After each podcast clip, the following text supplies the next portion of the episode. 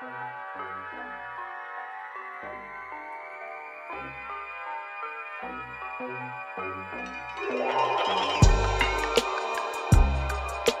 så da har de liksom De har et kjempesterkt forhold til en låt, men ikke nødvendigvis til artisten som spiller.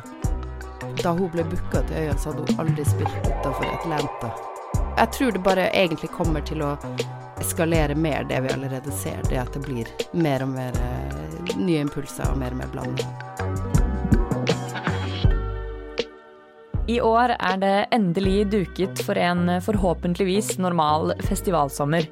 Men hvordan er det egentlig på den andre siden av alle disse avlysningene og utsettelsene?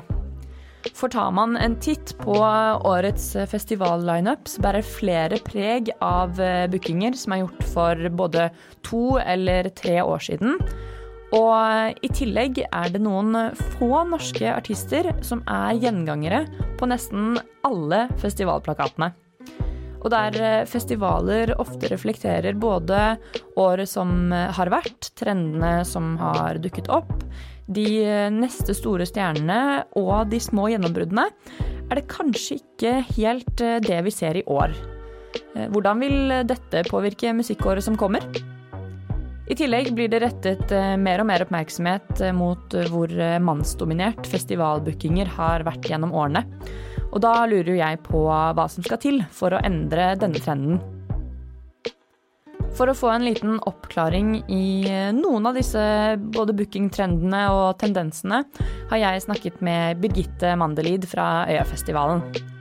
Forhåpentligvis klarer vi å lette på sløret på noen av de mystiske, uskrevne reglene i Norges bookingverden. Bylarm 2022 arrangeres 15. til 17. september, og vi gleder oss til å se deg der. Podkasten er laget i samarbeid med Norsk Tipping, med tilskudd fra Fritt Ord. Redaktør er Kristin Knutsen, og klipping og miksing gjøres av Mikkel Syvertsen. Jeg heter Agnes Sten Eckersberg, og dette er Bylarm Backstage. Velkommen til Bylarm Backstage, Birgitte. Tusen takk. Først uh, vil jeg høre litt om uh, hvem du er, og hvordan du kom inn i bookingsiden av musikkbransjen. Ja. Det var Egentlig så har jeg alltid vært veldig musikkinteressert. Så da jeg satt liksom på barnerommet oppe i Tromsø, så bestilte jeg plate på postordre og var liksom veldig eh, inne i den greia der, men ganske aleine. Og så flytta jeg til Oslo for å studere, og da oppsøkte jeg jo eh, mer den type miljøer, da.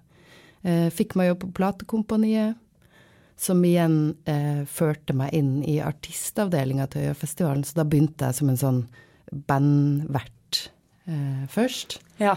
Eh, og så ble jeg med i bookinggruppa, som er liksom åtte-ti eh, forskjellige folk som, med litt forskjellige ekspertiseområder og sånt. Som fortsatt eksisterer den dag i dag, men med mange andre folk eh, enn det var da. og det gjorde jeg i 2004. Så jeg har vært med ganske lenge. Hvert, hvert, år har du vært en del av Øya sin uh, booking? Det har jeg gjort, ja, det stemmer. Men uh, i starten, og sånn som bookinggruppa fungerer, så er det jo på en måte ikke de som gjør selve transaksjonen. Mm. Uh, den har vært Claes Olsen, som er bookingsjefen i Øya, mm. sin jobb. og så har jeg etter jeg begynte å jobbe fast i Øya, og, og min Tittel er jo markedssjef, program- og markedssjef, for jeg styrer litt med det som er liksom utenom musikalsk på programmet også. Eh, men så har jeg begynt å booke mer og mer eh, gjennom de årene jeg har jobba. Sånn selve, altså bud, kontrakt, eh, alle avklaringer og sånt. Ta mm. den biten også, da. Hva, hva var det som gjorde at du tenkte at booking var veien å gå? Jeg vet ikke om jeg noen gang tenkte det, jeg bare egentlig likte så innmari godt å følge med og det å på en måte jobbe med booking er jo en gir deg liksom en mulighet til å følge veldig mye med. da har du liksom, du, du, har bare, du, gjør det ikke bare for egen del, du gjør det også for jobb. Mm. Og når du gikk mer aktivt inn i på en måte bookingjobben, eh, den aktive bookingjobben, hva, hva er det viktigste for deg å på en måte legge merke til da? Hva er det hva, hva, mener du at ligger til grunn for å gjøre en god booking, da, f.eks.? Jeg tror Altså, du har på en måte det, det intuitive på den ene sida, som er jo kanskje grunnen til at mange vil gjøre det, fordi det handler om at du, du sånn som jeg sa, at du får lov å følge med på, på ting som skjer, og nye artister og alt sånt som kommer.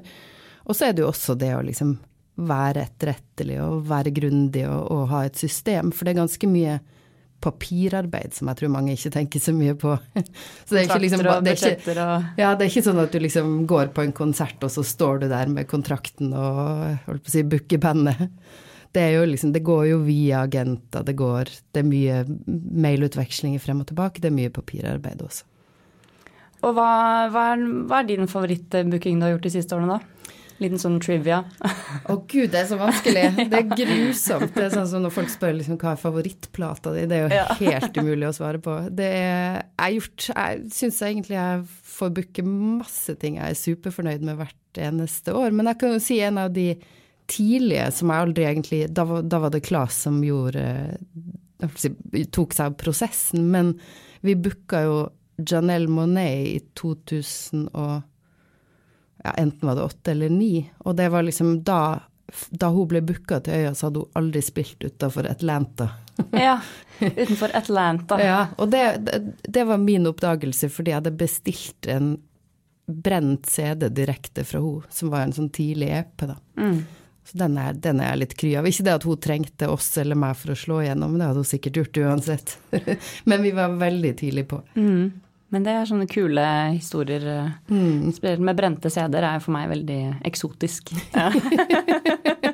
du er så ung. Ja. Um, og du er jo uh, en av uh, dessverre få kvinnelige bookere. Uh, og man ser jo også trenden i at uh, menn ofte booker menn. Uh, spesielt egentlig festivallineups. Uh, det har jo kommet liksom litt til overflaten nå at folk begynner å legge merke til det, men man, man ser fortsatt en tydelig forskjell. Hva, hvordan syns du den utviklingen har vært? Går det riktig vei? Hva, hva er målet? Det går helt klart riktig vei. Eh, kanskje det ikke går så fort som man skulle ønske at det gjorde, men det handler jo også litt om sånn etterveksten og, og, og det som kan skje med unge folk som begynner å spille i dag, unge folk som begynner å jobbe bak kulissene i dag. Så kan det jo endre seg veldig mye mer på sikt. Men jeg syns jo altså i utgangspunktet så er det jo ikke så veldig rart at det har vært sånn, fordi man booker jo veldig ofte det man kjenner, og mange kommer jo inn i norsk musikkbransje. Det er en, lite, det er en liten verden, og du kjenner folk som spiller i band, og det er kanskje liksom kompisene dine. Så, så det er liksom ikke sånn mysterium at det har vært sånn, egentlig. Men jeg syns det, det som er fint der jeg jobber, er jo det at alle har blitt så innmari klar over det. Så når liksom Klas sitter og booker, så har han det her i bakhodet hele tida. Mm. og det er jo en sånn eh, utvikling som har eh, kommet til de siste, i hvert fall det siste tiåret, og kanskje enda mer tatt opp tempoet de siste åra, men at, at liksom mannlige bookere som har jobba med det her lenge, blir veldig klar over egen posisjon og kanskje egen makt til å forandre ting. Mm. Som er veldig bra. Og hva skal til videre da, tenker du? Eh, for det første kanskje å være gode eksempler og vise at det her er noe som veldig mange kan gjøre. Eh, og for det andre også slippe folk til når, når, man ser folk som vil jobbe med det og som er flinke til å jobbe med det, så må det også være en plass. Og der er jo også, altså der har Øya ei utfordring og mange andre festivaler, jeg vet, fordi det, folk trives så godt i jobben at man blir. Mm. og man blir og man blir og man blir og man blir, og det er helt supert, men det gir ikke nødvendigvis liksom rom til, til alle de nye på det nivået i festival, i hvert fall. Så de må jo på en måte begynne i sine eh, kanskje lokalområder, sine lokale klubber, eh, og begynne litt mer den veien å jobbe seg opp.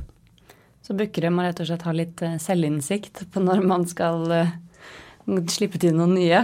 Ja, det, det, tror jeg også er viktig. Eller, sånn, den den bookinggruppa jeg nevnte tidligere som vi har, um, er jo også en sånn plass der man hele tida får inn nytt blod, da. Mm.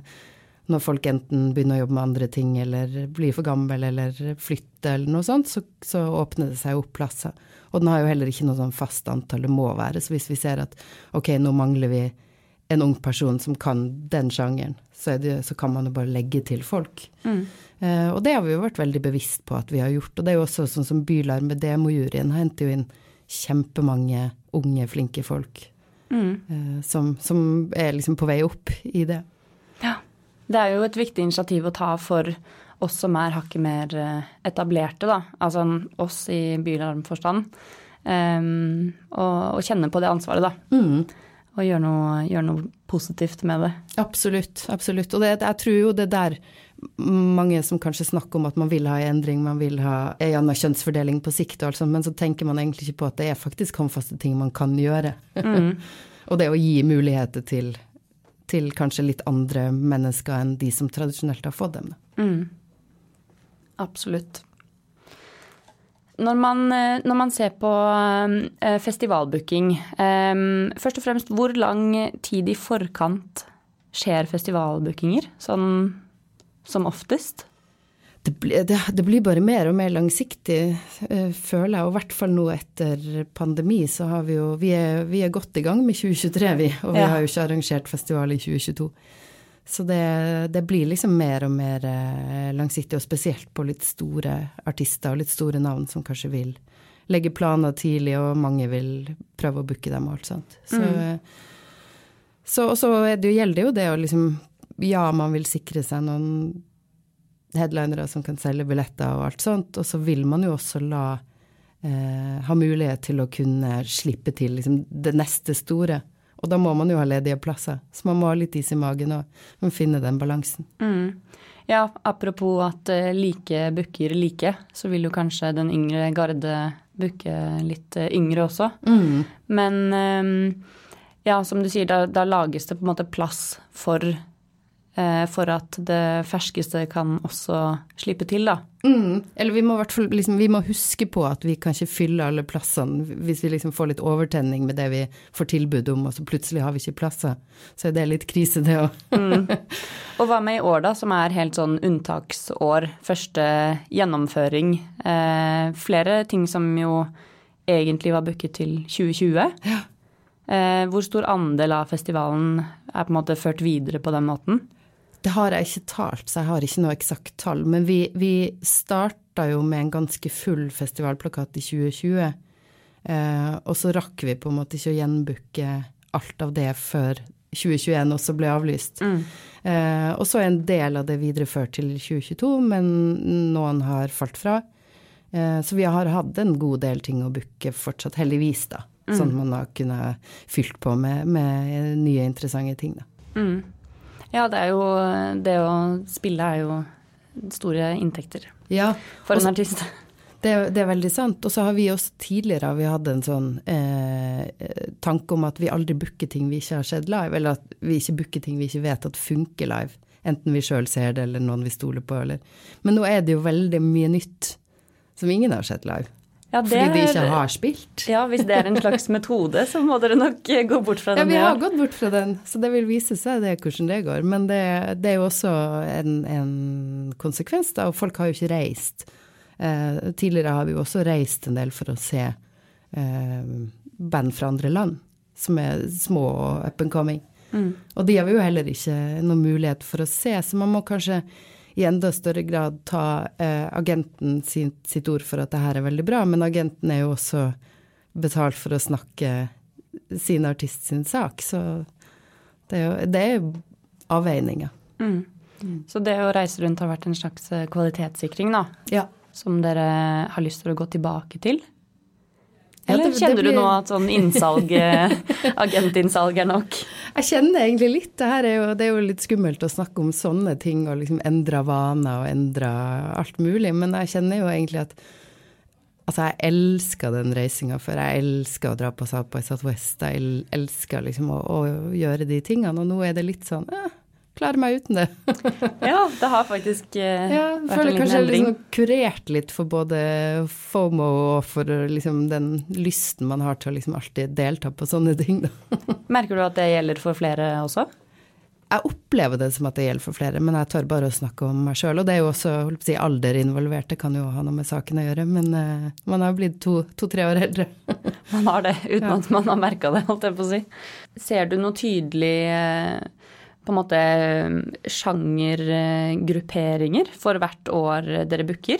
Eller er det liksom som regel godt å blande? Hvis dere booker på en måte headlinerne, da. Er det noen tydelige mønstre på hva slags type musikk som, eh, som er populært fra år til år?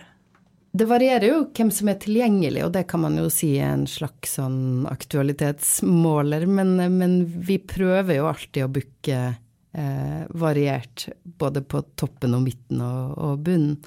Så hvis man liksom har booka eh, to band som er gitarbasert, så vet man nødvendigvis at de to siste headlinerne må være noe annet enn det, da. Eh, så sånn sett så er det jo det, variasjoner, men akkurat med liksom headlinere så er det, det er kanskje litt for lite utvalg til å, til å se noen sånn veldig store endringer fra år til år. Eh, men vi ser jo det at vi liksom i, i historien til festivalen har kanskje beveget oss litt bort fra liksom det bandformatet, mer sånn trygge og gode eh, indie-rock-band, til å på en måte også utvide for eh, popartister eller hiphopartister, R&B-artister, som opererer i litt sånn litt annen sjanger og har en litt annen livestatus i Norge, i hvert fall, eller hadde. Eh, og det har jo vært en sånn kontinuerlig litt endring fra år til år. Hva med bookinger som du eh, på en måte observerer at skjer? Eh, om det er liksom på klubbscener eller på andre festivaler. Hva tenker du om på en måte utviklingen i, i, i musikktrenden? Jeg syns det er litt for tidlig å si noe om fordi vi har det her eh, etterslepet etter ja. pandemi og veldig mange konserter som er flytta og så flytta og så flytta igjen, og som ennå ikke har skjedd. Så man vil kanskje se det godt når man på en måte er ferdig med alt det der. Eh, jeg syns jo det er jo liksom visse band og artister som har vokst seg veldig stor på en måte man liksom ikke har fått med seg uh, under pandemi. Jeg tenker bare sånn artister vi har hatt tidligere som uh, Phoebe Bridgers og Big Thief, som plutselig har blitt sånn sentrumsceneband, Mm. Uten at man bare Hæ, hva skjedde der? Det, og det er helt topp. Uh, men jeg tror kanskje Altså sånn som det ser ut med konserter, at det kanskje liksom er enda litt tydeligere eh, hva som lykkes og hva som ikke lykkes. og At det som lykkes, lykkes veldig godt. Og så er det mye som, som eh, ikke nødvendigvis gjør det, da, men som man kanskje ikke får med seg i samme grad. Og det er vel ikke alle som eh, reiser rundt for å oppdage nye band og nye artister. Eh, jeg kan eh, se for meg at folk eh, får seg nye favorittartister på en annen måte enn det de gjorde da du begynte å booke for mm. Øya. Eller da du begynte å jobbe med Øya. Hva, hva tror du det gjør med liksom, musikklytteren og konsertgåeren? Hvordan man oppdager ny musikk? Jeg tror, det, jeg tror, det, har kjempestor innvirkning, men jeg tror egentlig ikke helt vi ser den enda fordi at det er så mange sånne eh, trofaste publikummere som både vi og andre festivaler har, som, som, er litt, kan du si, den gamle generasjonen. Og så kommer det til å komme et skifte, og så tenker man litt sånn hæ? Men det er altså nye lyttevaner og nye måter å oppdage ting på på det her nye internettet som, som uh, alle er på. Uh, det er jo litt sånn at det skaper mange store artister som kanskje kan bli det på kort tid og uh, litt ut fra det blå. men det er også et litt illojalt publikum i den forstand at de kanskje ikke betaler veldig mye eller eh, kjøpe konsertbilletter eller like det samme bandet like godt om, eller artistene, om fire måneder. Så det er jo litt sånn eh, Man vet, sånn som Se på plakaten i år, da. Man vet at på en måte Nick Cave er en trygg booking i Norge. Man vet det. Han selger ut alltid. Eh, og så, må man på en måte ta en sjanse når man ser på de nye, når man ser på liksom de med kanskje øh, stor følgerskare på sosiale medier, store hits på streamingtjenestene og sånt. Så der er man usikker på, på liksom overføringsgraden. Fra liksom Betyr så store streamingtall at veldig mange vil kjøpe billett, eller gjør det ikke det? Vanskelig å si. det må jo ha noe med um, den, den, korte oppmerksomheten man vier ting også, da. Mm. I denne internettiden. Det er det. Og så tror jeg at spilleliste har blitt veldig, veldig viktig for veldig mange. Altså de ferdiglaga, enten det er på sjanger eller på ny musikk eller noe sånt. Og da hører du veldig mye på musikken, men du vet ikke nødvendigvis hvem det er. For eksempel sånn, sånn chill-lister? Ja, ja, for eksempel eller sånn, hva det heter for noe, butter, eller de liksom ja. mm. nye, nye, greier. Eh, og ser jeg jo på, på, kollegaene mine som nå har fått liksom ganske store barn, mm. eh, som digger låter. Og så tenker liksom Klas, da, som er faren, sånn Å, hva er det her? Siden dere hører så mye på det. Og så tenker døtrene hans Jeg vet ikke. Det er mm. på den lista. ja, så de bare, de bare, konsumerer det? Ja, så da har de liksom De har et kjempesterkt forhold til en låt, men ikke nødvendigvis til artisten som spiller det. Og det tror jeg gjelder veldig mange um, ungdom, i hvert fall. Så det er noe med at uh, for at en artist skal kanskje få et sånn lojalt uh, stayer-publikum, da, så må man jo Hvordan skal man nå ut da? Hadde jeg visst det Så hadde du jobbet med noe annet? Så hadde jeg jobbet med noe annet. Definitivt. Jeg, nei, jeg tror det, det, handler vel, det handler jo om en kombinasjon av ting. Det handler jo liksom både om si, uh, hvordan man sjøl kommuniserer med, med, fansen man har, og, og det å, å, nå ut uh, utover det å være på ei spilleliste og ha blitt streama mange millioner ganger. Så da har jo liksom alle har jo noe å jobbe med der for å, for å både opprettholde og fortsette den kurven oppover. Da. Hvis man skal gå litt uh, tilbake for å se på sånn, altså, sjangertrender og bookingtrender, så litt sånn satt på spissen, så reflekterte jo ofte musikken en veldig sånn eh, samfunnstilstand, hvis mm. man kan eh, eh, si det på en litt sånn bred, i en bred forstand. Vil du si at det gjør det fremdeles, eller er det liksom så mye ulikt som skjer at man kan nesten ikke se de bølgene i på en måte musikken lenger? Jeg tror de bølgene er der, jeg tror, men jeg tror man må gi det noen år før man faktisk klarer å se tilbake og se dem. De er veldig vanskelig å se i akkurat i samtida. Um, men det, det, er veldig interessant. Det er, jo, det, det er jo superfragmentert i dag, sånn som jeg ser det. Det er jo utrolig mye som slippes, folk hører på folk hører på så utrolig mye forskjellig eh, og er veldig liksom, variert i egen smak, da, i kanskje mye større grad enn de var Før var du liksom Jeg skal ikke bli helt Jeg levde, jeg levde liksom ikke på 70-tallet sånn sett heller, men, men eh, at liksom, jeg er punker, eller jeg er rocker, eller jeg hører på pop, eller Altså, i dag hører folk på alt. Eh, og liker ting innafor alle sjangre. Så det er liksom når, når, vi slipper spilleplanen, som som vi gjør hvert år i denne tida akkurat har gjort, så får vi alltid veldig mange mailer fra folk som er sånn 'Hvordan kan dere la det krasje med det?' og så er det gjerne to helt forskjellige ting som er sånn Noen må spille samtidig når vi har så mange scener, men vi prøver å ikke sette liksom noe veldig likt med veldig overlappende fanskare opp mot hverandre. Men for noen år siden så var det, var det vi fikk eh, flere mailer om, var en krasj mellom Robin og Mayhem. Og det skapte reaksjoner? Ja, det skapte reaksjoner fordi folk var interessert i å få med seg begge deler, og så spilte de akkurat samtidig. Så det var litt sånn ah, ja, ok. Og det vil du anse som noe nytt? Ja, det tror jeg er nytt som i Altså det her er jo en del år siden i seg sjøl at de to spilte det, det, Jeg husker ikke året, men det, det, er en del år siden nå. Men jeg tror, jeg tror ikke det var sånn for nødvendigvis for 20 år siden. Hva, hva tror du det kommer av? Jeg tror folk er veldig altetende, så, så tror jeg folk også eh, følger musikk på internett, altså leser blogger, leser anmeldelser, og kanskje gjør seg opp i mening eh, ut fra sånne ting. De er liksom ikke i ett miljø som er veldig sånn rigid på sånn skal du kle deg, det skal du høre på, men, men tar inn ting fra overalt. Mm, kanskje den eh, ekstreme tilgjengeligheten for musikken også, da. Ja med den, eh, den, på en måte konteksten vi har lagt nå for, for booking, eh, hva, hva, hva, spår du for fremtiden? Uh. er ikke det også et sånt flott, stort spørsmål? Ja, det er et veldig, er et veldig godt spørsmål. Det er jo eh, Samtidig som man på en måte hører på så mye mer forskjellige ting, eh, og kanskje fra så mange mye, flere forskjellige steder i verden, så er det jo også sånn at det er ikke nødvendigvis helt overførbart. Så sånn som i USA, så har jo største turneen Det kan være feil, men det er i hvert fall eh, noenlunde riktig. Største turneen i, i innbringende Altså se på hvor mye penger de har tjent i fjor, var Bad Bunny. Som eh, lager reggaeton på spansk, liksom. Kunne man hatt han i Norge og trukket like mange folk? Hvem vet.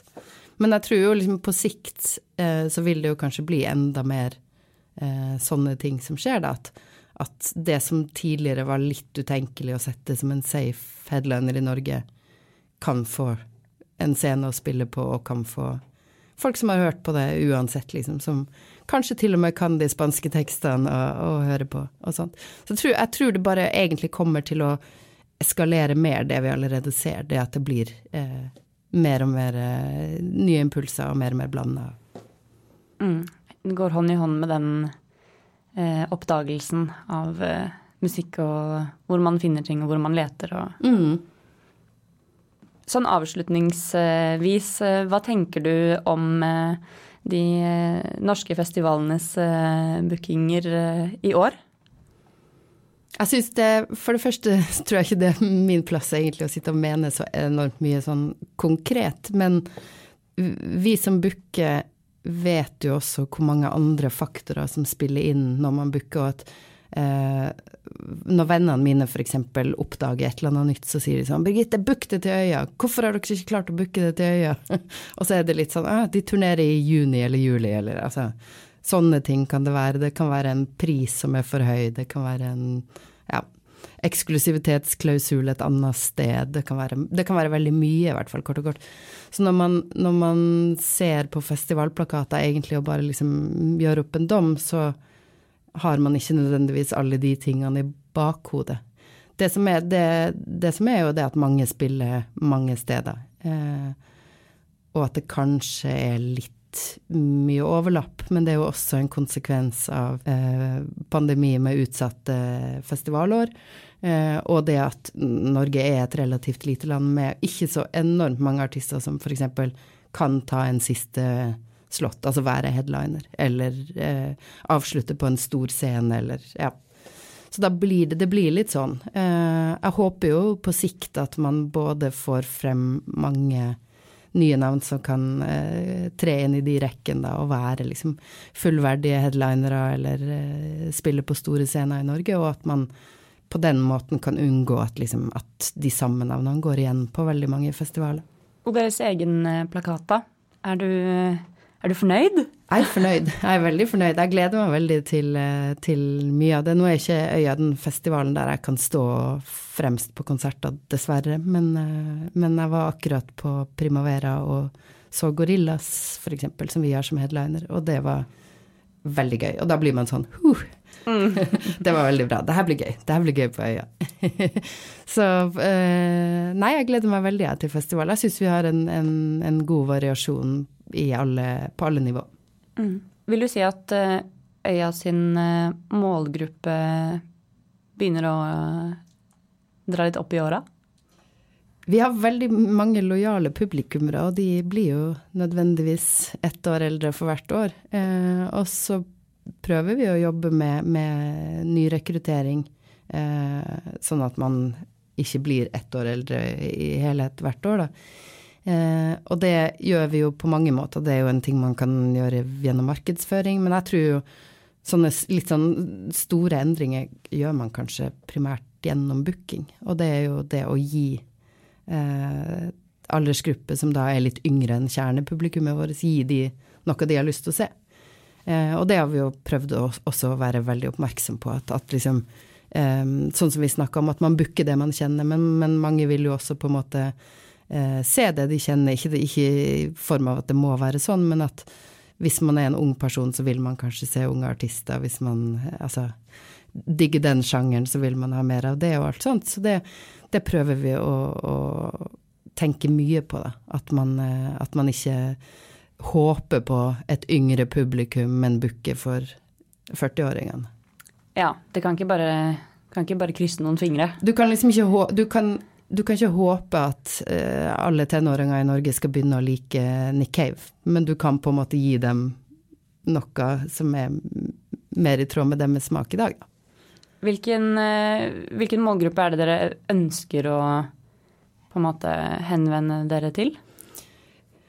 Det er en uh, ganske, det er et ganske stort spenn. Eh, det har jeg alltid syntes har vært veldig fint med øya, egentlig, at du kan ha både eh, voksne folk og mellomvoksne folk, og folk kan ha med barna sine, og det kan være eh, tenåringer der, og, og, alle kan på en måte finne en ting som de liker, og en grunn til at de skal være der og, og se musikk. Men det er jo primært liksom musikkinteresserte uh, unge voksne og voksne, da. Og så får man jo se hvor langt, hvor langt opp man strekker voksne. Det er veldig fint, syns jeg, å tenke på at folk som har vært på øya i 20 år, fortsatt har lyst til å gå. Det syns jeg. Så man må liksom ivareta den, den gruppa også.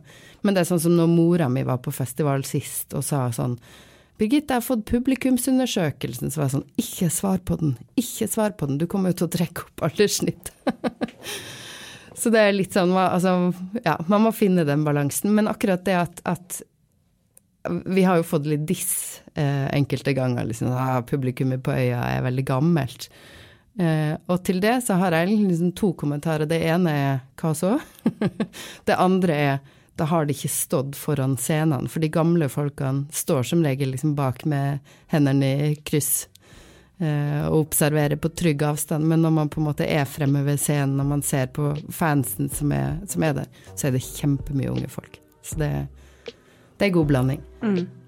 Tusen takk for at du ville komme og snakke litt med meg, Birgitte. Det var veldig hyggelig. Så gleder vi oss til eh, både Øya og Bylarm. Det gjør vi. Tusen takk for at du hørte på denne episoden av Bylarm Backstage. Vi høres i neste episode.